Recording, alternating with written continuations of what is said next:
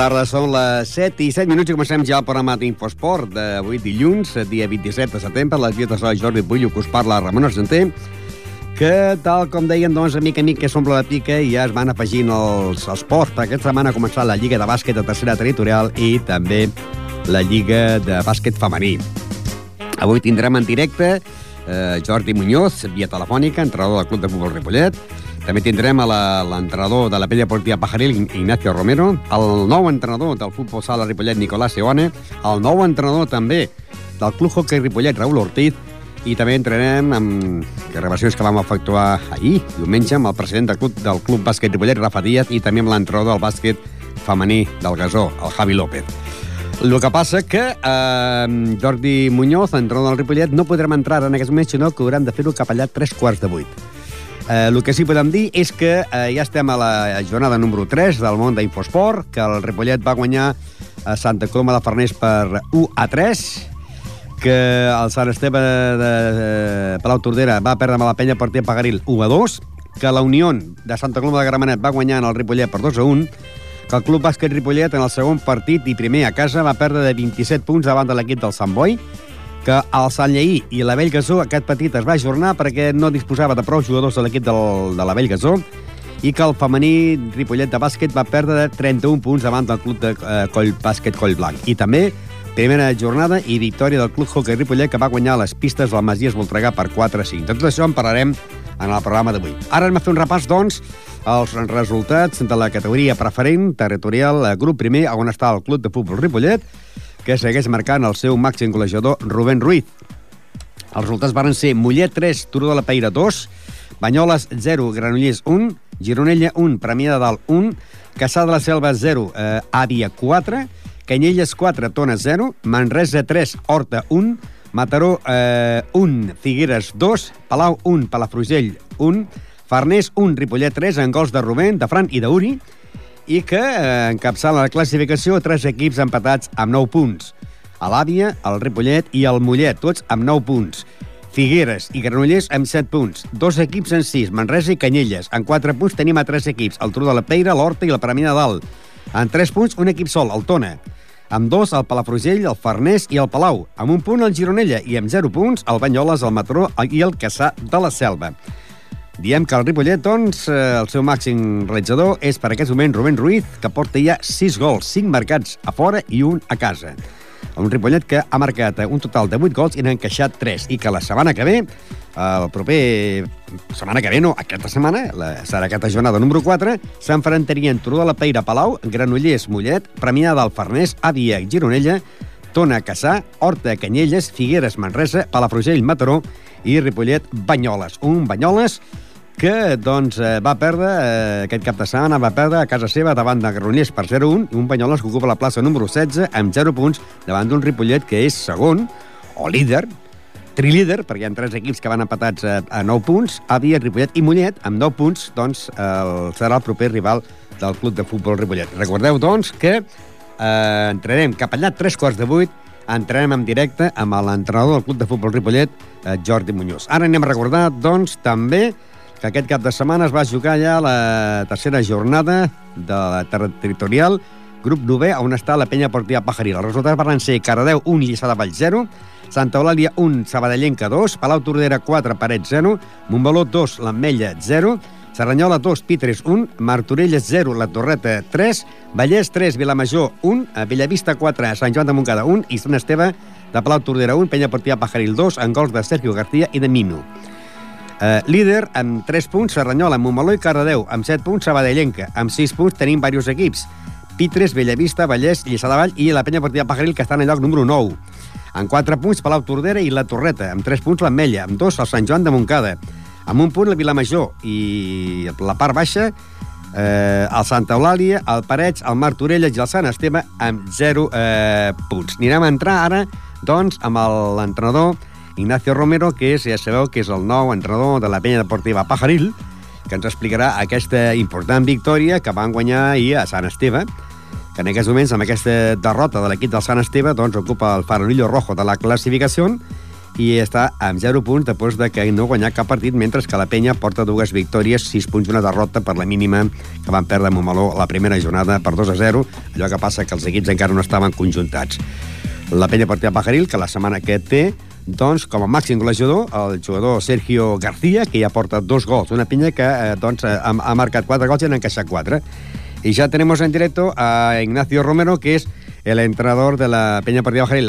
Ignacio, buenas tardes. Hola, buenas tardes. Y sobre todo, buenas tardes serían el sábado, ¿no? Otra victoria. Pues sí, mira, nos costó muchísimo. Fue un partido muy, muy duro de pelar, pero al final nos venimos con los tres puntos. ¿Cómo fue el marcador? Pues íbamos ganando 0-1 en la primera parte.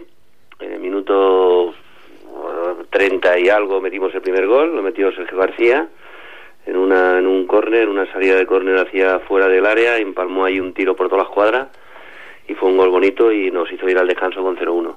Pero en la segunda parte, al minuto, nada, los 10 minutos de salir, nos empataron en el 1-1, o sea, nos metieron en el 1-1, nos hicieron pasar un rato malo, malo, malo, hasta que al final, en el minuto 65, metimos el 1-2 y ya la cosa cambió bastante. Uh, una peña que es noveno con nueve, con nueve puntos. ¿Hay algún resultado que te haya dice ah, eh, que aquello que haya salido mosca? No, bueno, yo el Caredeo y Sadeval, que era quizás el partido más comprometido de, de, la, de la jornada seguramente por la clasificación que llevaban los dos. En una 0S por la mínima, pues bueno, hace pensar que Gisadeval debe tener un equipo competitivo. Luego estuve viendo por la tarde el domingo el Sarañola con el Pitres, este que iban los dos empatados a puntos. Y bueno, el Pitres este que recién, recién subido me causó una buena impresión, es un equipo bastante jovencito. Y le costó mucho a Sarañola, hasta el último minuto de partido no llegó el gol de la victoria también, o sea que creo que, que los partidos estos son muy competitivos, desde luego. El, la próxima jornada, pues otro partido eh, que jugaréis en casa, al principio uh, creo que puede ser fácil, ¿no? Bueno, fácil. Santa Porque Eulalia, Santa Eulalia. Que, va, que va con cero puntos. Todos los partidos han sido por la mínima y el Sabayenka que le ganó 1 a 2 en su campo y, y bueno, más o menos me espero pues, un rival como los que hemos tenido hasta ahora, en los, o sea, sobre todo el Palau Tordera en nuestro campo, yo creo que se puede asemejar bastante a ese equipo y nosotros con la moral de los seis puntos que nos, nos, nos al salir de allí con la victoria del campo del del San Esteban de Palau Tordera el equipo está animado, los chavales tienen ganas y yo, creo que, que lo vamos a encarar bastante bien. Lo importante es ganar estos primeros partidos porque teóricamente os, os eh, tocan los equipos que sí, van por la parte baja. De, cuando salgamos del, del Santuario de Rosana el sábado, vamos a Carredeu, o sea que es un partido complicado. Me, nos viene Gisadeval, que no sé cómo andará en esa, en esa semana cuando venga con nosotros, no sé si estará en los puestos de arriba. Y vamos al Sabayenka, o sea que, que la cosa está complicada, está complicada. No, el otro día con la quiniela, pues tú, ¿tú ¿Cuántas haces quinielas, haces quinielas. Pues no, no, no hago quinielas, no. Mejor, ¿no? Porque no acertaste ni uno, ¿eh? No acerté ni uno, pues bueno, eso- sí, yo acerté la peña. Bueno, claro, es que te dejé, yo te dejé ese a tu, a tu libre albedrío y ahí acertaste. bueno, pues a ver qué pasa esta semana. Lisa de Valle de Bellavista. Gisadeval Bellavista, bueno, eh, vamos a ver qué, qué ocurre. Gisae- vamos a ver si, si nosotros sacando esos tres puntos, eh, si nosotros sacamos los tres puntos esos y dependiendo de los resultados que hagan los demás, a lo mejor resulta que nos metemos ahí en las posiciones de, de arriba y eso pues puede dar moral al equipo y los, y los partidos esos que estamos hablando, que, que pueden ser muy complicados, a lo mejor los encaramos de otra manera. Vamos a ver qué pasa. ¿Y qué le pongo a Lisa? ¿Victoria, empate o derrota? A Gisa, en ese partido, Sí. pues no sé, yo es que el Bellavista también me, me da la impresión de que es un buen equipo. Yo creo que puede ganar el Bellavista, creo, ¿eh? Un 2, venga. Bueno, Saba- pues creo que puede ganar Bellavista y a nosotros no nos iría mal tampoco. Sabadellenca Cardedeu. ¿Ese podría ser el partido de la jornada? Sí, ese puede ser el partido de la jornada, sí, seguramente. Yo iré a verlo si tengo, bueno, si no pasa nada, para ver qué tal equipo tiene el Carrero, porque al Salamanca ya lo he visto. Y puede ser el partido, no, creo que es el partido de la jornada. Creo que es el partido de la jornada seguro, ¿eh? Que nos inclinamos por un 1, Yo no sé, quizás te, te puedo dar el empate ahí. empate. Yo creo que el empate. Pared San Esteba. Para San Esteba, hostia, vaya partido. Se ven los, los dos de abajo. Pues no sé, no sé si puede ser la primera victoria del Parés, ¿eh? seguramente. Pitres Montmeló. Pitres Este Montmeló, que yo- el, yo el veo Montmeló que os ganó a vosotros. Yo veo un 1 ahí. Un 1. La Mella Palau Tordera. La media para la tordera una X. La Torreta Sarrañola. Hay un 2. De ahí no me bajo. ¿El Sarrañola va a ser el, equipo que puede- va a estar sí, arriba? Sí, sí, sí, Yo lo estuve viendo ayer, ya sabía de su potencial y tenía algunas bajas importantes y sacó el partido y, y creo que va a ser un equipo que va a ser muy, muy difícil de, de- de ganar, ¿eh? Va a ser uno de los que va a estar en las posiciones de cabeza seguro, seguro toda la liga. Vilamayor a Martorelles. Y la mayor Martorella es un 1. San Juan de Moncada, Vallés. Hostia, San Juan de Moncada tiene que sacar ya una victoria en su campo. Le voy a dar el uno pensando en eso, pero pero luego me puede pasar como esta semana, no acertar ninguno. y nos queda, que te lo acertaremos, ¿no? La Peña Portiva Pajaril contra el Santo Eulalia. Esa se lo deja a usted como el otro día y seguramente nos da suerte. Un uno. Vale. Eh, ¿Los jugadores que, que, que jugaron esta semana están todos bien para poder jugar la esta semana o no? Bueno, Sergio García se fue un, bueno a la segunda parte, al minuto 30 de la segunda parte, se le dobló un poco la rodilla, se fue con un golpe, lo cambiamos, pero yo creo que si entrena hoy, entrena mañana, creo que podremos contar con él para el sábado. Los demás, o sea, por lesión y por tarjetas pueden jugar No, todos, ¿no? todo, todo el mundo a disposición. Yo creo que esta semana estaremos, recuperaremos a... Bueno, el de los sancionados ya tuvimos dos el sábado pasado y, y me imagino que seremos los 17, 18 jugadores que somos. Pues suerte y a ver si este sábado caen todos los tres puntos más. Muy bien, muy bien, a ver si es verdad, a ver si es verdad. Suerte. Vale, gracias a vosotros, adiós. Les paraules del nou entrenador de la penya partida Pajaril, Ignacio Romero, eh, que doncs, eh, ens ha explicat aquest partit que van guanyar eh, aquesta setmana i que els manté aquí a 3 punts del liderat. La, I ell diu que poden ser els equips gallitos d'aquesta lliga, el Sabadellenca, que ja l'ha vist jugar, i el Cerdanyola, que ja l'ha vist jugar, però, esclar, el, la penya també està aquí entre ells. Ara anirem a, en el món del futbol sala. Futbol sala. Futbol sala. I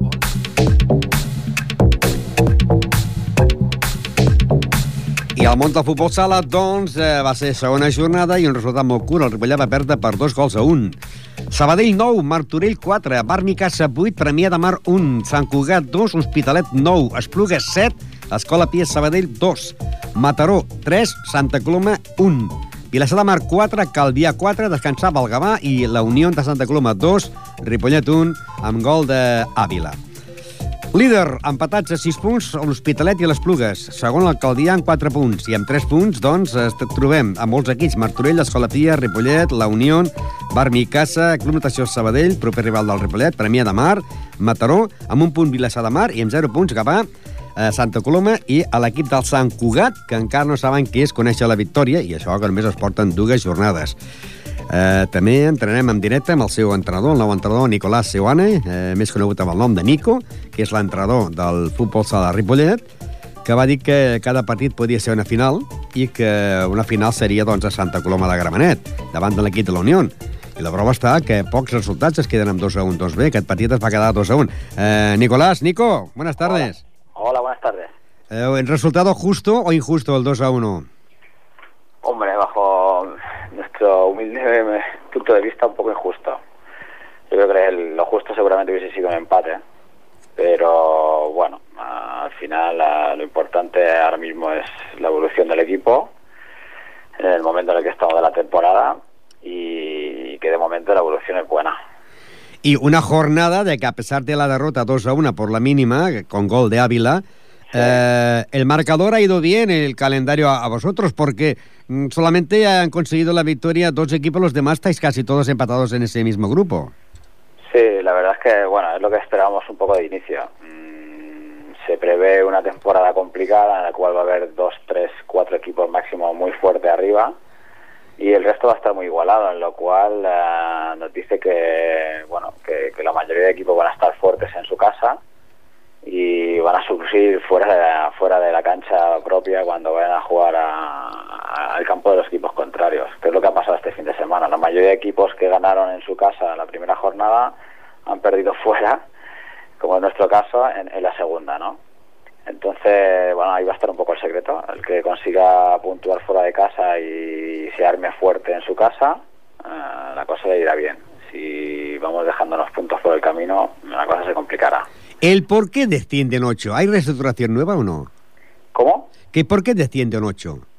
Sí, hay una reagrupación el año próximo en la Liga Nacional. Eh, se pasan de nuevo de nueve grupos eh, de Liga Nacional categoría A a seis grupos.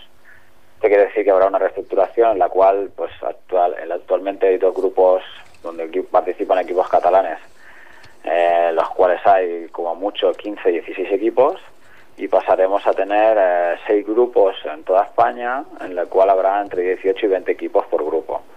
Eso quiere decir que si nos mantuviésemos el año que viene en Primera Nacional A, pues estaríamos en- enclavados en el grupo que cubriría las regiones de Cataluña, Aragón eh, Comunidad Valenciana y Baleares, seguramente.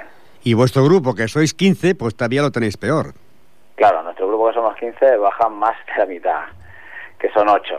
Eh, eso es complicado, principalmente porque es lo que hablábamos, hay dos, tres equipos que estarán bastante fuertes arriba, que son los que se supone que tienen presupuesto para poder ah, intentar ah, asaltar la división de plata, y el resto que tendrá que pelear por, bueno, por esos puestos de permanencia que este año son más reducidos que años anteriores. Y esta semana recibiréis la visita del Club Natación Sabadell, que esta ha ganado 9 a 4 al Martorell. ¿Estamos hablando del Martorell que estaba en la élite? Sí, en principio es el, mismo club que el Martorell que estaba en la élite. Eh, lo que pasa que bueno ha habido una serie de problemáticas en el pasado, sobre todo a nivel económico en la, en la entidad. Y bueno, no, no, es muy indicativo. La verdad es que quedaron 9-4, pero ya con, con, el portero jugador, en el cual ya el partido se rompe totalmente. Y bueno, no es muy significativo. Yo creo que las fuerzas estarán equilibradas una vez más, al menos de momento. Y bueno, veremos a ver si podemos ganar en casa, que es el objetivo. Uh, ¿Lo has visto ya el Sabadell? ¿Conoces uh, ese equipo? Bueno, conozco un poco el equipo, no los he visto jugar este año, pero sí los conozco un poco. Es un equipo recién ascendido de la Nacional B. El año pasado quedaron eh, campeones de grupo en Nacional B y bueno, en su cancha son bastante fuertes, la verdad. Bien organizados, tienen un buen entrenador. Eh, bueno, va a ser un equipo difícil, eso está claro, como todos, pero entiendo que debe ser a, asequible. Lo importante es eh, ganar eh, lo, lo, los, los puntos de casa, ¿no? Eso es clave. Si este año es realmente importante ganar cuanto más puntos posibles en casa y sacar todo lo posible fuera, que es donde va a estar complicado. Pero bueno, eh, cada partido es diferente, es un mundo y puede haber jornadas en las cuales podemos ganar fácil en casa o, en, o por lo menos de una manera asequible y luego fuera pues también, ¿no? O al revés. Dependerá. Yo, por lo que tengo previsto en el calendario, en la primera vuelta lo fuerte está fuera de casa, afortunadamente. O sea que tenéis eh, un buen calendario. En casa sí, la primera vuelta. Entonces yo calculo que, bueno, las previsiones son de que de cara a la segunda vuelta también el equipo esté más rodado, más formado respecto a los cambios y, y que podamos plantar mejor cara, ¿no? Ahora al inicio es un poco complicado. Yo, de hecho, tenía una planificación ocho semanas, vamos por la sexta, esta es la séptima, eh, para estar entre el 80-90% de rendimiento. Bueno, eh, vamos evolucionando. ¿Y para este sábado tendrás la plantilla completa o tienes bajas de lesión? En principio seguimos teniendo bajas, dos, dos importantes, tanto la de David Bustamante como la de David Franco, eh, puesto que son dos jugadores que deben rendir bien arriba y hoy por hoy lo que nos falta es un poquito eso, ¿no? la finalización, el, el poder finalizar y, y marcar más goles. En defensa creo que estamos bastante bien. Eh, es lo que principal hemos estado trabajando durante la pretemporada, por lo tanto queda un poco acabar de, de, definir. David Franco, que por motivos de trabajo el año pasado dejó el Ripollet, se fue a jugar fuera y que este año ha vuelto, ¿no? Efectivamente, es uno de los fichajes. Realmente es una recuperación. ¿No? Fichaje estrella, pero barato, ¿no? ni cinco, ¿eh, ¿no? Sí, la, de la coste cero. Exactamente, de la coste... recuperación de, de, de, un jugador que ya había participado en el club, eh, ya había pertenecido a la entidad y que, bueno, afortunadamente lo tenemos otra vez. La desgracia es que de momento no puede participar, tiene una lesión y, y debemos tener paciencia. Uh, y esta semana también empieza el B. ¿Va bien que el B juegue uh, antes que vosotros por si puedes coger algún jugador? Sí, eso no, no, no, es un problema, ¿no? Tanto del B como del juvenil tendríamos la posibilidad de coger algún jugador si fuese necesario. Eh, nosotros tenemos que presentar una lista previa a la federación y en función de eso, pues el jueves eh, que es el último día de entreno normalmente, decidiríamos quién participaría con nosotros. Mm. No es una problemática, el objetivo del club es formar jugadores y cuanto antes den el salto al primer equipo, pues mucho mejor. Pues eh, gracias, suerte y nos vemos el sábado. Muy bien, muchas gracias. Les paraules de Nico, nou entrenador de l'equip del futbol sala de Ripollet, que per cert, doncs, a la categoria preferent catalana, grup tercer, aquesta setmana comença la Lliga i primera jornada el Ripollet B jugarà contra el Cornellà. A partir de dos quarts de cinc de tarda Ripollet de Cornellà i llavors, quan acabi aquest partit, jugarien ja la Lliga Nacional el Ripollet i el Club Natació Sabadell ja que comença la preferent catalana. També comença aquesta setmana, que més tard en parlarem, la Lliga Nacional de Tenis Taula. Però ara, doncs, eh, deixem ja el món del futbol sala i anirem al món del hockey. Hockey. Hockey. Hockey.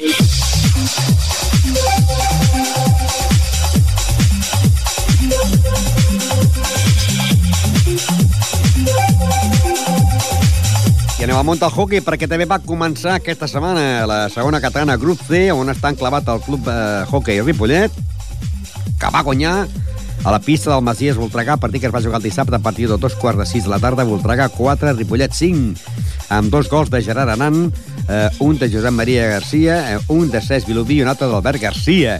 Són els golejadors que van aconseguir, doncs, eh, la victòria del Club Hockey Ripollet.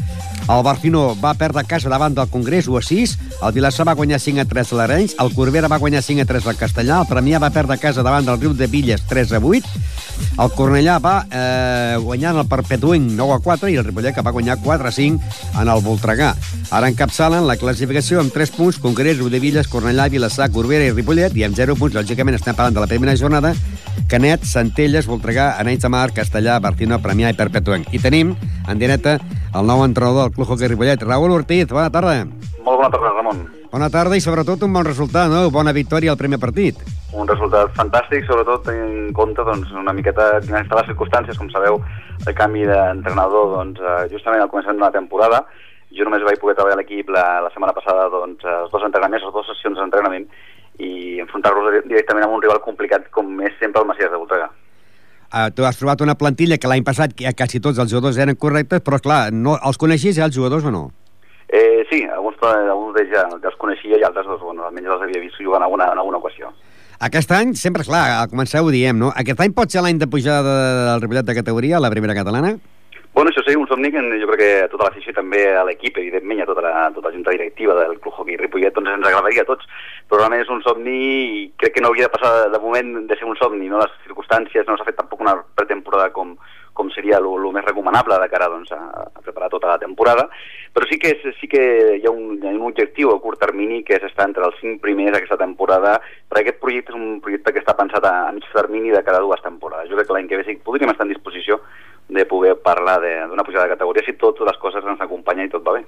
Els equips que t'ha tocat, el Bartino, Vilassar, Corbera, Premià, Centelles, Cornellà, Congrés, Arenys, Castellà, Villes, Canet, Perpetuenc, Voltregà, són eh, equips importants, difícils?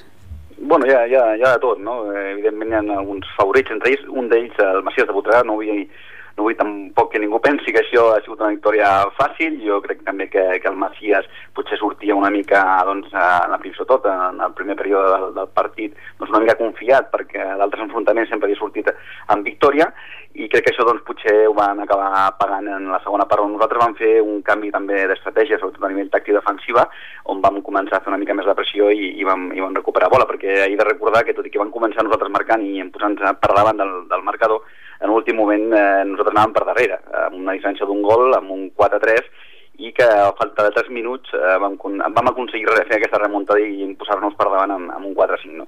I un Voltregà que ja se sap tothom al món del hockey de que és un equip que està dalt de tot i que, esclar, la plantilla que té és un bons jugadors. L'escola que té. Eh, són molt bons jugadors i a més jugadors amb molta experiència. M'agradaria recordar que la mitja d'edat del nostre equip, del, del Ripollet, doncs és bastant més jove que la resta de segones que ens podem trobar en qualsevol dels grups d'aquí de, la, de la Federació de Barcelona.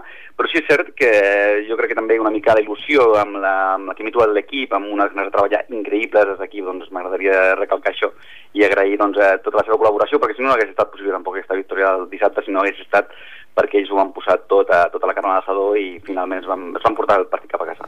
Ara el Raül eh, Ortiz és el nou entrenador del Club Hockey Ripollet, eh, però fins ara eh, estaves entrenant altres equips? Correcte, jo estava entrenant al Hockey Club Castellà, amb una categoria infantil, i en altres temporades on havia portat a juvenils i també havia estat de segon entrenador del sènior. Uh, però has portat més anys uh, aquí sèniors o base? Eh, normalment a base. base. Sempre, sempre he treballat més la base. Eh, també són, són equips doncs, que, on realment es necessita que hi hagi un, un canvi. En aquest sentit, sabeu també que hi ha un canvi de reglament, i això també doncs, moltes vegades doncs implica que, que, el, que els tècnics, a vegades els clubs consideren que, que han d'estar doncs, els tècnics una mica més repartits, no? El fet d'agafar un sènior en, aquest, en aquesta temporada ha sigut una cosa de darrer moment, jo precisament volia un any de d'impàs, un any de no portar cap equip i en l'últim moment se'm va presentar aquest projecte, el vaig veure molt motivador, amb molta il·lusió la gent i, i m'he implicat al màxim, la veritat. I aquest any hi ha alguna... L'any passat hi va haver innovacions en el món del hockey. Aquest any hi ha alguna cosa nova o no? No, en principi no, ja hem fet l'any de transició del canvi de reglament, eh, tot i encara hi ha, hi ha tret millors notes que altres eh, en el sentit d'adaptar-se al, al nou reglament, però en principi no, continuem treballant a tot el, tots els equips en totes les categories, eh, treballant amb, amb el nou reglament que es va imposar l'any passat, que es va inaugurar l'any passat i, i amb que estem treballant. Evidentment, doncs, i sempre hi ha, hi ha, hi ha peces que ens ha de pagar i en aquest sentit doncs, el tema de faltes és una de les assignatures que tenim pendents amb aquest equip. No? El món del hockey és un esport molt dur, perquè allò que es porta... Perquè pots tenir moltes trompades, inclús sense voler, a, a, a, amb, les, amb, les, amb les tics sobretot, però a més a més, algunes volguem, lògicament, no? I també, a més, amb les botes i, i els patins, no? Sí, bueno, sempre és un esport accidentat, és un, un esport de, de molt de contacte, Eh, el que pretenia una mica el nou reglament era precisament doncs, delimitar això, s'abusava abans molt de la falta per intentar interrompre el, el, el transcurs del partit i sobretot trencar una mica el ritme del contrari i ara doncs, amb el nou reglament doncs, estem penalitzats amb les faltes tècniques. El que passa és que bueno, això al final acaba sent doncs, eh, un, un judici per part de, de l'àrbitre, que és el que decideix qui és l'equip que sí que fa faltes i qui és el que no. Jo, en aquest sentit, eh, dels àrbitres eh, sempre tenim totes entre les queixes, però en aquest sentit eh, he de dir que, que estava molt descompensat el nombre de faltes que tenia el Macias amb les que teníem, les que teníem nosaltres, quan faltes tots dos equips van fer, no? Jo no vull dir que nosaltres no en féssim, però al contrari també en va fer, no? I això, doncs, ja sabeu que quan arribem a 10 faltes tècniques, doncs es penalitza amb una falta directa que afortunadament, doncs, i gràcies a les porteries les tenim molt ben cobertes tant amb, els dos porters, tant, a, tant amb el Mele com amb, amb el Parera, doncs això ho vam poder resoldre, però realment és, és un problema de cara a, a gestionar un partit, no? Les faltes directes poden fer molt de man en un partit quan està molt igualat. Per tant, heu d'entrenar molt els llançaments d'aquestes faltes, no?, del penal aquest. Correcte, tenim, tenim gent que realment, eh, per exemple, el, el Vilauí, el César, va llançar una de les faltes directes i va ser magistral, va ser de, de, realment de veu, no? La va, la va executar tal com s'havia executar i a més a, a l'escala del porter ni, ni, ni va poder reaccionar, no? Però sí que és veritat, hem de practicar molt les faltes directes perquè, bueno, això moltes vegades, si, si he tingut l'oportunitat de veure la Supercopa d'Espanya, doncs ja sí. heu vist que s'ha decidit el Barça sí, Vic, la final sí, sí. va decidir precisament amb faltes directes, no? Reinaldo García va, va fallar la seva i en canvi doncs, el Vic la va aprofitar molt bé amb, amb el Titi Roca. No? I aquesta setmana jugareu a casa, serà la segona jornada i ens visita el Vilassar de Mar. El Vilassar de Mar. Què tal aquest equip? Doncs vaig tenir l'oportunitat per casualitat de veure en pretemporada un partit a Vilaseca entre el Vilaseca i el Vilassar i el vaig veure un equip jove també, mm, potser encara diria que una mitja edat una mica més baixa que la nostra, però que li posen molt de coratge. Eh? Dir que no serà tampoc un equip fàcil, eh, ells també han guanyat aquest, aquesta passada jornada, han inaugurat la, la classificació també tenint una victòria, i serà un partit, doncs, jo crec que, doncs, bueno, que ens agradaria dedicar-li a la ficció, doncs, tothom que vingui al pavelló, al Joan Creus, doncs, que pugui doncs, gaudir d'una jornada de hockey maca, bonica, i sobretot ens agradaria tornar a tenir una altra victòria per tornar a sumar tres punts. Doncs moltes gràcies, Raül, i el proper dissabte ens veurem i ens coneixerem, perquè ens sentim per la veu però no ens coneixem. és veritat. Molt bé, Ramon. Ens veurem el dia aquest dissabte. Això espero. D'acord, moltes gràcies. gràcies. Bona tarda. Bona tarda. Adeu. Les paraules de Raül Ortiz, nou entrenador del Club Hockey Ripollet, que aquesta setmana van anar a jugar fora i varen guanyar doncs, a la pista del Voltregà, el Magís Voltregà, per 4-5, amb dos gols de Gerard Aran, un de Gerard Maria Garcia, un de Cesc Vilauví, que va marcar aquesta, gol, aquesta falta, o aquest gol de falta, i Albert Garcia. Un Ripollet, doncs, que aquesta setmana jugarà a la 7 a la pista anexa contra el Vilassar i que els partits serien Canet, Cornellà, Villes, Voltregà, Castellà, Centelles, Congrés, Corbera, Perpetuenc, Premià, Arenys, Barcino i Ripollet Vilassar són 14 equips els que militen en aquesta categoria. I el màxim golejador del Club Hockey Ripollet, doncs per al moment és Gerard Aran, que porta dos gols. Un Ripollet que han encaixat 4 gols i n'ha marcat 5.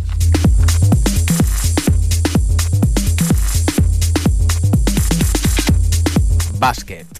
Bàsquet. I anem al món del bàsquet perquè doncs, ja sabeu que el Club Bàsquet Ripollet eh, juga a la primera categoria. La setmana passada va perdre a Saranyola i ahir va perdre aquí davant de l'equip del bàsquet Sant Boi. Però abans de començar el partit encara estaven doncs, fent el preclantament els jugadors. Parlàvem amb el seu president, amb Rafa Díaz. Molt il·lusionant, sobretot amb l'equip aquest tan jove que tenim, que, que poquet, poquet a poquet van, van encaixant les peces i, i creiem que, que es faran divertir, faran disfrutar aquesta temporada, aquest, aquest equip tan jove. En principi es cobrien els, els rumors de que el Ripollet de tercera categoria baixava, baixava a la, tercera, a la territorial, però que el Ripollet comprava, no sé si és correcte o no, comprava els drets de tercera en el Gasó per vendre'ls al Montgat, llavors també al primer equip. O com està tot això? No, no, la nostra intenció sempre va ser intentar jugar a tercera amb el sènior B i a Copa amb el sènior A, però la situació esportiva, més que res qüestió de jugadors, i després va sortir la situació econòmica, es va fer desistir d'aquest tema, llavors van intentar eh, jugar, cedir la plaça, cedir la plaça al Montgat, la plaça de Copa, i intentar jugar en Copa i a, perdó, a primera catalana i, a, i intentar jugar també a tercera. Però aquí se va ser ja falta de jugadors quan al final pues, van decidir no fer un, un sènior B i continuar amb el que tenim, que és el que tenim. De fet, n'hi ha jugadors que podien estar al sènior B, però hem tingut que, que agafar-los i, i ficar-los al sènior al sènior A per falta de jugadors. El sènior B és per falta de jugadors. I ara l'equip del sènior A, que serà el representatiu, jugarà a la primera categoria, no? Correcte, està a primera, primera catalana. Quins jugadors eh, jugaran? Pues, eh, de la casa, per dir-lo, està Manel, Manel que continua ja dels, del, del sènior A de l'any passat, pugen eh, el Víctor Díaz, puja el Sergi Marín, el Piñero, eh, que no se m'oblida ningú, i després n'hi ha jugadors de fora Sí, que està, que estaven de Ripollet que estaven, inferiors. correcte, han pujat aquests eh, jugadors que, que venen de fora, el Miki, el Mas, el Marc Zaragoza, el Didac, un equip bastant jove, bastant jove i jo crec que precisament això és lo bonic d'aquest equip, perquè conjuga una miqueta de, de, de, de, de joventut, després tenim a dos jugadors ja veteranos, l'Alberto i el David, que aquests a la seva experiència, i David Igualada, sí, que aquesta la seva experiència ja de, de, de, de lluitadors de, del bàsquet que han jugat ja molt, le faran, faran una bona una bona feina per, per als jovenets, per als jovenets aquests. La nova Junta Directiva vol, vol intentar recuperar jugadors del Ripollet que estan escampats per ahí perquè tornin al club? L'ho han intentat, l'ho han intentat des del mes de juny, quan inclús abans, el mes de maig, van intentar recuperar, trucar, de fet, déu nhi la, els diners que s'han gastat en telèfons per, per trucar. Bueno, nosaltres creiem que el que hem, per nostra part, la Junta, que n'hi ha actualment, ha fet tot el possible, més de lo possible, i el que tenim és el que tenim, juguem a lo que juguem i estem molt orgullosos de la gent que tenim i estem molt contents de la gent que tenim. Eh, de quants equips eh, disposa ara l'entitat? Sis. Sis, un cadet femení, Pocs o molts? pocs, pocs, per lo que abans tenia el Ripollet, pocs. Mm, Un equip, un cadet femení, dos júniors, dos sub-21 i un, eh, i un sènior A. I suposo que la intenció, com a mínim, és intentar doncs, aquest equip aguantar la categoria, no? El primer equip. Sí, sí, sí. Aquest equip té, té capacitat per aguantar la categoria molt tranquil·lament. Sí, sí, sí, sí. I jo crec que falta, és això, falta conjuntar peces i jugar. S'ha de tenir en compte de que no han jugat mai junts. Porten des, del, des de l'última setmana de l'agost que estan entrenant junts i gairebé no, no, no, es, no es coneixien, excepte que els quatre jugadors, que tres jugadors del, de l'antic sènior B i el Manel, són la resta no, no, no es coneixia i s'han de conjuntar, s'han de, de conèixer. L'entrenador és nou, l'entrenador que per cert molt contents amb l'entrenador per la feina que està fent. Sí, sí. Què demanaries als socis i a la gent de Ripollet amb el bàsquet? Comprensió. Comprensió perquè és una etapa nova. Un company de la Junta lo comentava, era una refundar. Jo no, no és tan refundar, sinó a vegades sembla que, que estem fundant. Refundar el club, hem de donar un pas enrere, s'ha de comprendre la situació econòmica, sobretot, i, i comprensió. Comprendre que la situació és la que n'hi ha, que el que tenim és el que tenim, i, i, i recolzament, recolzament, sobretot recolzament, que necessitem aquest recolzament perquè sobretot els jugadors se sentin, se sentin acompanyats. I si no hi ha res, no? Tots els partits del primer equip serien el diumenge aquí a casa a les 7 de la tarda, no? Correcte, correcte. Em sembla, no, no, no crec que canvien de- d'horari i seran aquests, sí.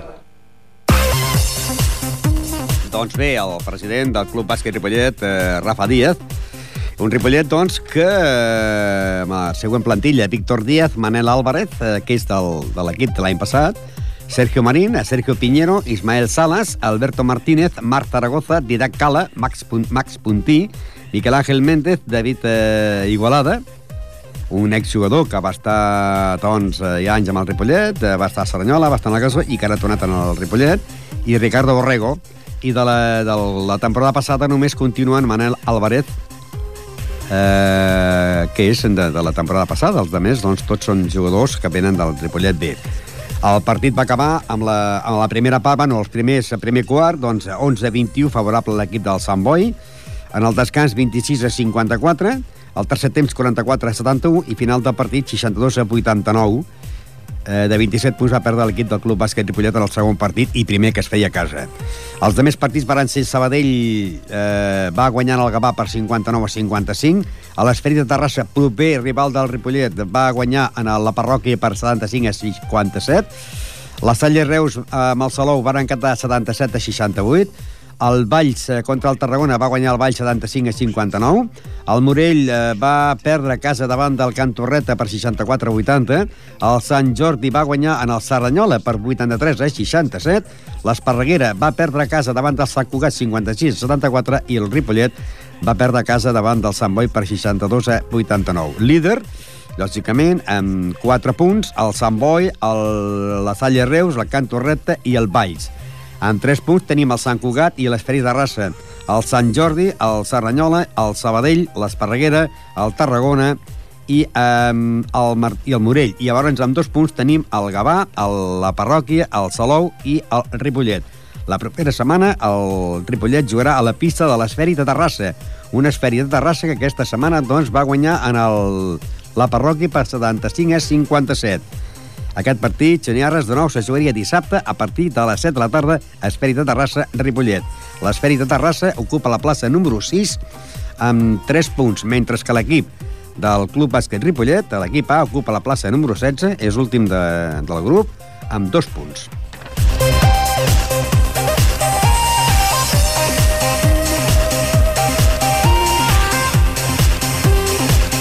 Irem a més bàsquet, perquè el Club Bàsquet Gasó tenia que jugar a la pista del Sant Lleí i aquest partit, per manca de jugadors, no es va poder jugar i eh, moment s'ha ajornat el partit. Ni faltaven jugadors a la, a la Vell Gasó i no vaig jugar al partit.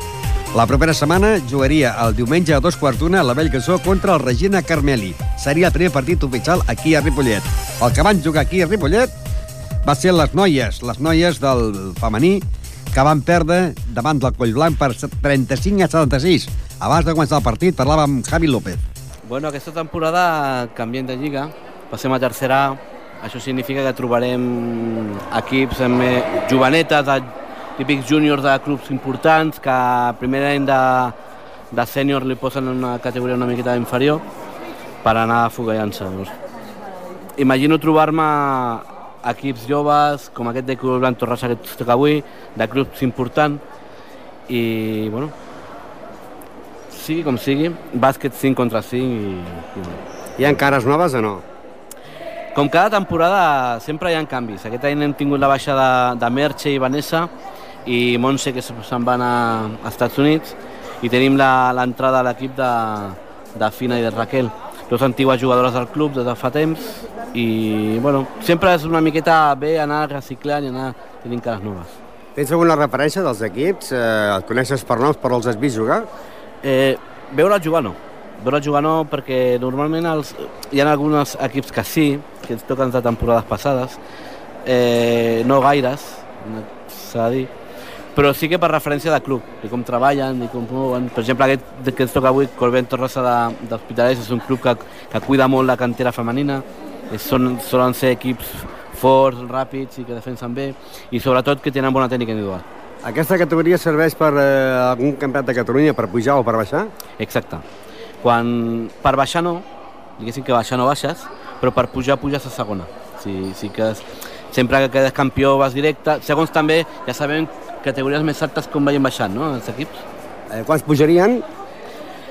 La diferència... La, és, depèn de, de Liga Femenina 2 i, i Primera Catalana. Segons els equips que pugin cap a dalt, és això el que tu pots pujar cap a dalt de, com a equips.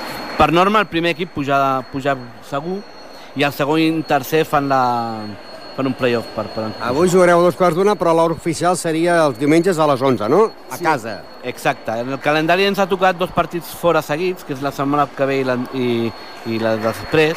I després ja la quarta jornada ja tenim els tres equips el, el mateix diumenge, i serà així tota la temporada, i a nosaltres toca a les 11 del matí, que és la millor hora, podem dir. I la setmana que ve, doncs, aneu ha un desplaçament una miqueta llarguet, a Esparreguera. Aquests són dels, dels desplaçaments des, totalment desconeguts, no? Esparreguera vam anar fa molt, molt, molt, molts anys. Són, són equips, els, els equips del, del Baix Llobregat normalment tenen, tenen equips bastant fortets. No sabem què ens esperarem, però sobretot és a les 4 de la tarda, un desplaçament una miqueta llarg i, bueno, veiem. Del dissabte, no? Dissabte a les 4 de la tarda ens ha canviat, era 5 i mig, ens ha canviat a les 4 de la tarda. Jo vaig estar veient el calendari i, i clar, no hi ha cap hora oficial, no? Cada, cada equip a casa té la, per circumstàncies potser del pavelló perquè l'ocupen altres equips, doncs els horaris són molt, molt diferents, no? Sí, això normalment sempre agafen els, normalment els que poden. Sent femení més encara. Agafen l'horari que poden, no? És com sempre molt, molt, molt dividit. Normalment aquesta temporada tenim menys dissabte a la tarda, tenim bastant més diumenges tarda i diumenge al matí. Nosaltres sempre ens va millor. Va, començarem la Lliga, estem ara fent el preclantament, doncs esperem que tingueu sort i també que aconseguiu els punts avui i els punts la setmana que ve a Esparreguera, el primer desplaçament. Gràcies. Serà important, com sempre, el més important és que s'ho passin bé, que facin esport i després que les victòries vagin venint amb necessitats. Eh? Sempre és necessari no passar-se tres partits sense guanyar, perquè poden començar problemes i... Bueno. Veiem, veurem com, com va avui. Doncs bé, el partit va acabar amb derrota del femení Ripollet de 31 punts. El primer temps, 13-16. El segon temps, que va anar al descans, 18-38. El tercer temps, 24-54. I final de partit, 35-76. Les eh, jugadores Eva, Merino, Ruth, Mariona, Alicia no van poder, doncs, davant de l'equip del Coll Blanc, que amb aquesta victòria s'han posat líders. Líder el Coll Blanc amb dos punts i que el bàsquet femení ocupa la plaça número 14 amb un punt, no? I que la setmana que ve, la setmana que ve, el, el diumenge, jugaran diumenge a partir de les 4 de la tarda, jugaran a Esparreguera. Una Esparreguera, doncs, que aquesta setmana eh, l'Esparreguera va perdre en la pista del Serranyola per 55 a 42. Doncs l'Esparreguera serà el proper rival del Ripollet femení de bàsquet el proper diumenge a partir de les 4 de la tarda. Tenien que jugar, com has sentit, a dos quarts de 5 i aquest petit serà a les 4 de la tarda. Esparreguera, bàsquet femení a Ripollet. I abans, al començar el programa, ja heu sentit que cap allà a tres quarts de 8 entraríem en directe amb l'entrenador del Club de Futbol Ripollet, Jordi Muñoz. Bona tarda. Hola, bona tarda. Bona tarda i, bon, i deus estar content, no?, pel resultat de Santa Coloma de Farners, 1 a 3. Sí, sí, sí, estic content, clar que estic content. Ja no és pel resultat, és per la, com, estan, com estan els jugadors. Estan bé físicament i bé de moral? Bé, de moral, amb ganes, i que és el que, el que més importa, no?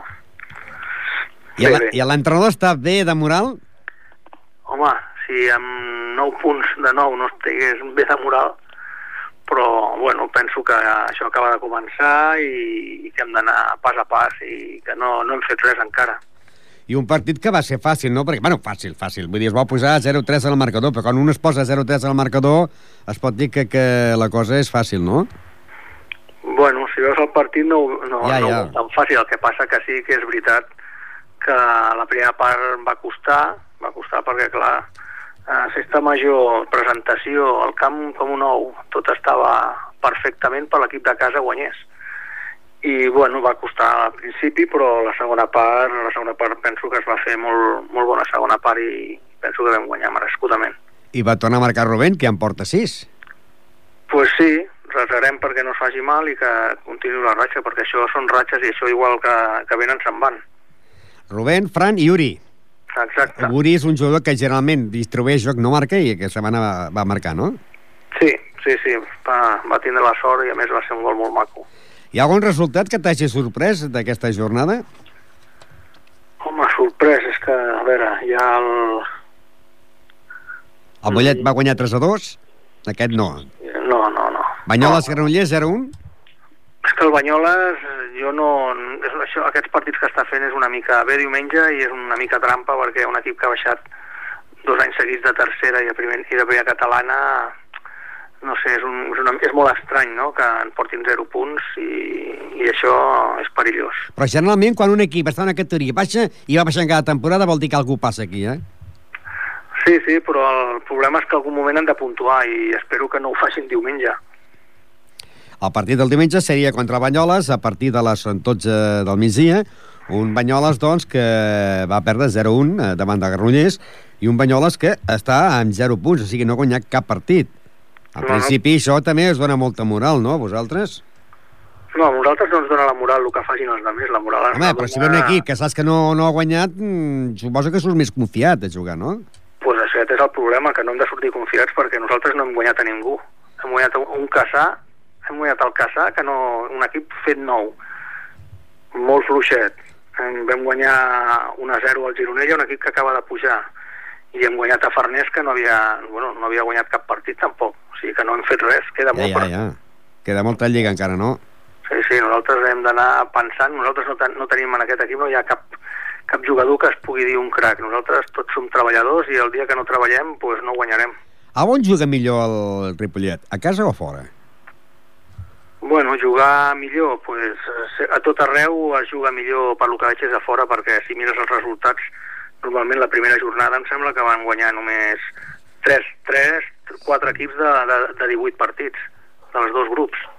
Vull dir que es deu jugar millor fora. Jugues més tranquil, no tens tant a perdre, tens més a guanyar i, i, bueno, i depèn dels jugadors que tens. Per exemple, el Ripollet sí que penso que a tot arreu es juga millor per lo que veig és a fora, perquè si mires els resultats, normalment la primera jornada em sembla que van guanyar només 3, 3 4 equips de, de, de 18 partits, dels dos grups. Vull dir que deu jugar millor fora. Jugues més tranquil, no tens tant a perdre, tens més a guanyar i, i, bueno, i depèn dels jugadors que tens.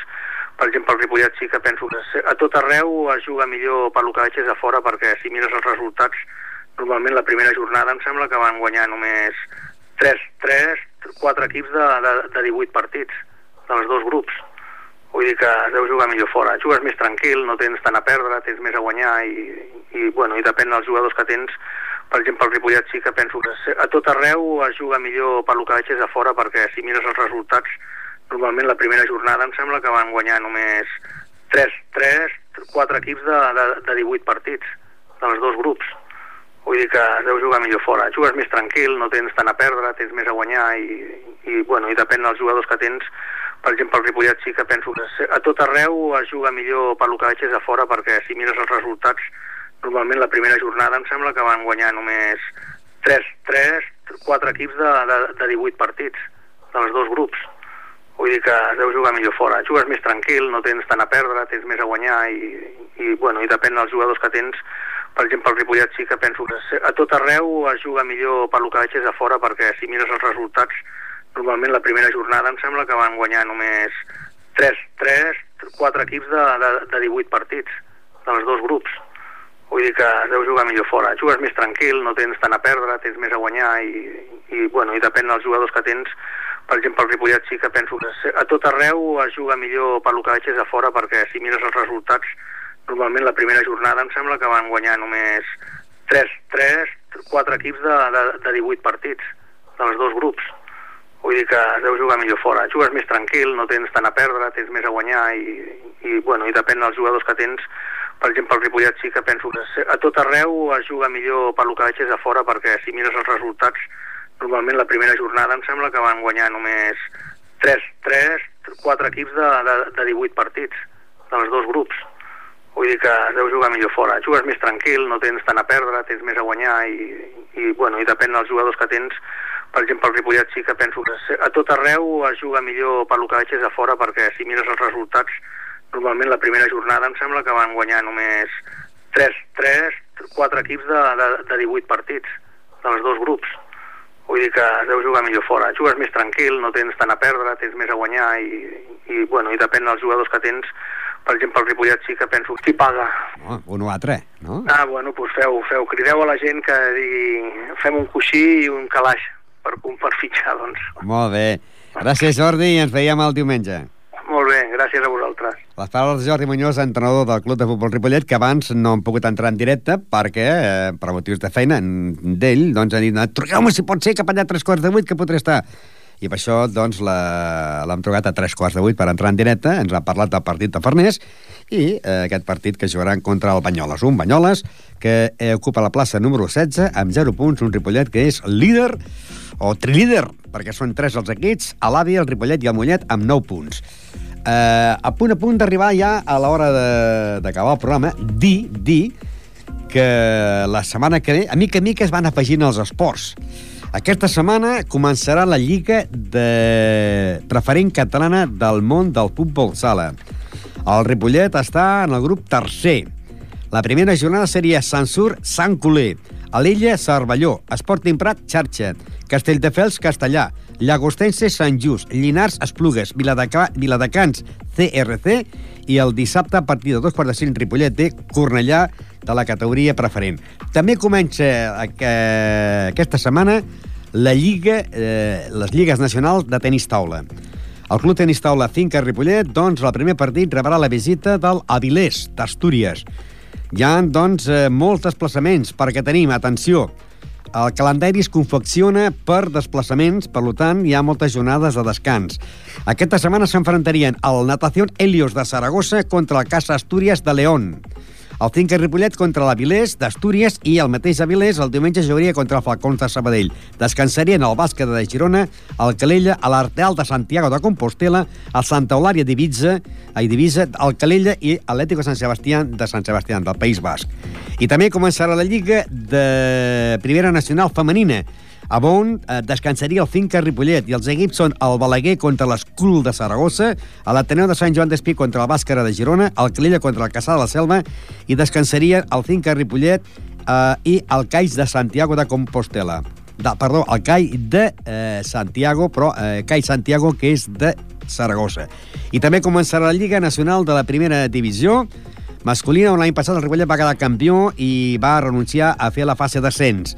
S'enfrontarien a la primera jornada Vilanova-Olot, Palma de Mallorca, Sa Pobla de Mallorca, Sant Cugat Igualada i el diumenge, a, perdó, el dissabte a partir de les 5 de la tarda, Ripollet Verdolai contra el Sallent.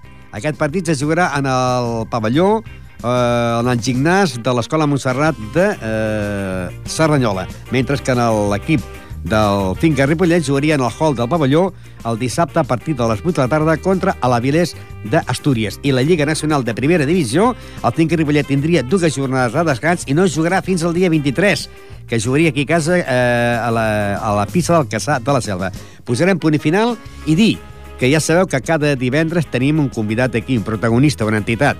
Aquesta setmana tindrem a l'Adefoot, que recordem que a partir d'ara diem Adefoot perquè sapigueu que l'Adefoot ja no es diu Adefoot, sinó que és Escuela de Futbol Base de Ripollet. Els doncs aquests vindran aquest divendres a partir de dos quarts de vuit aquí 91.3 de l'FM. Posarem punt i final i divendres ens veurem. Adéu-siau, bona tarda.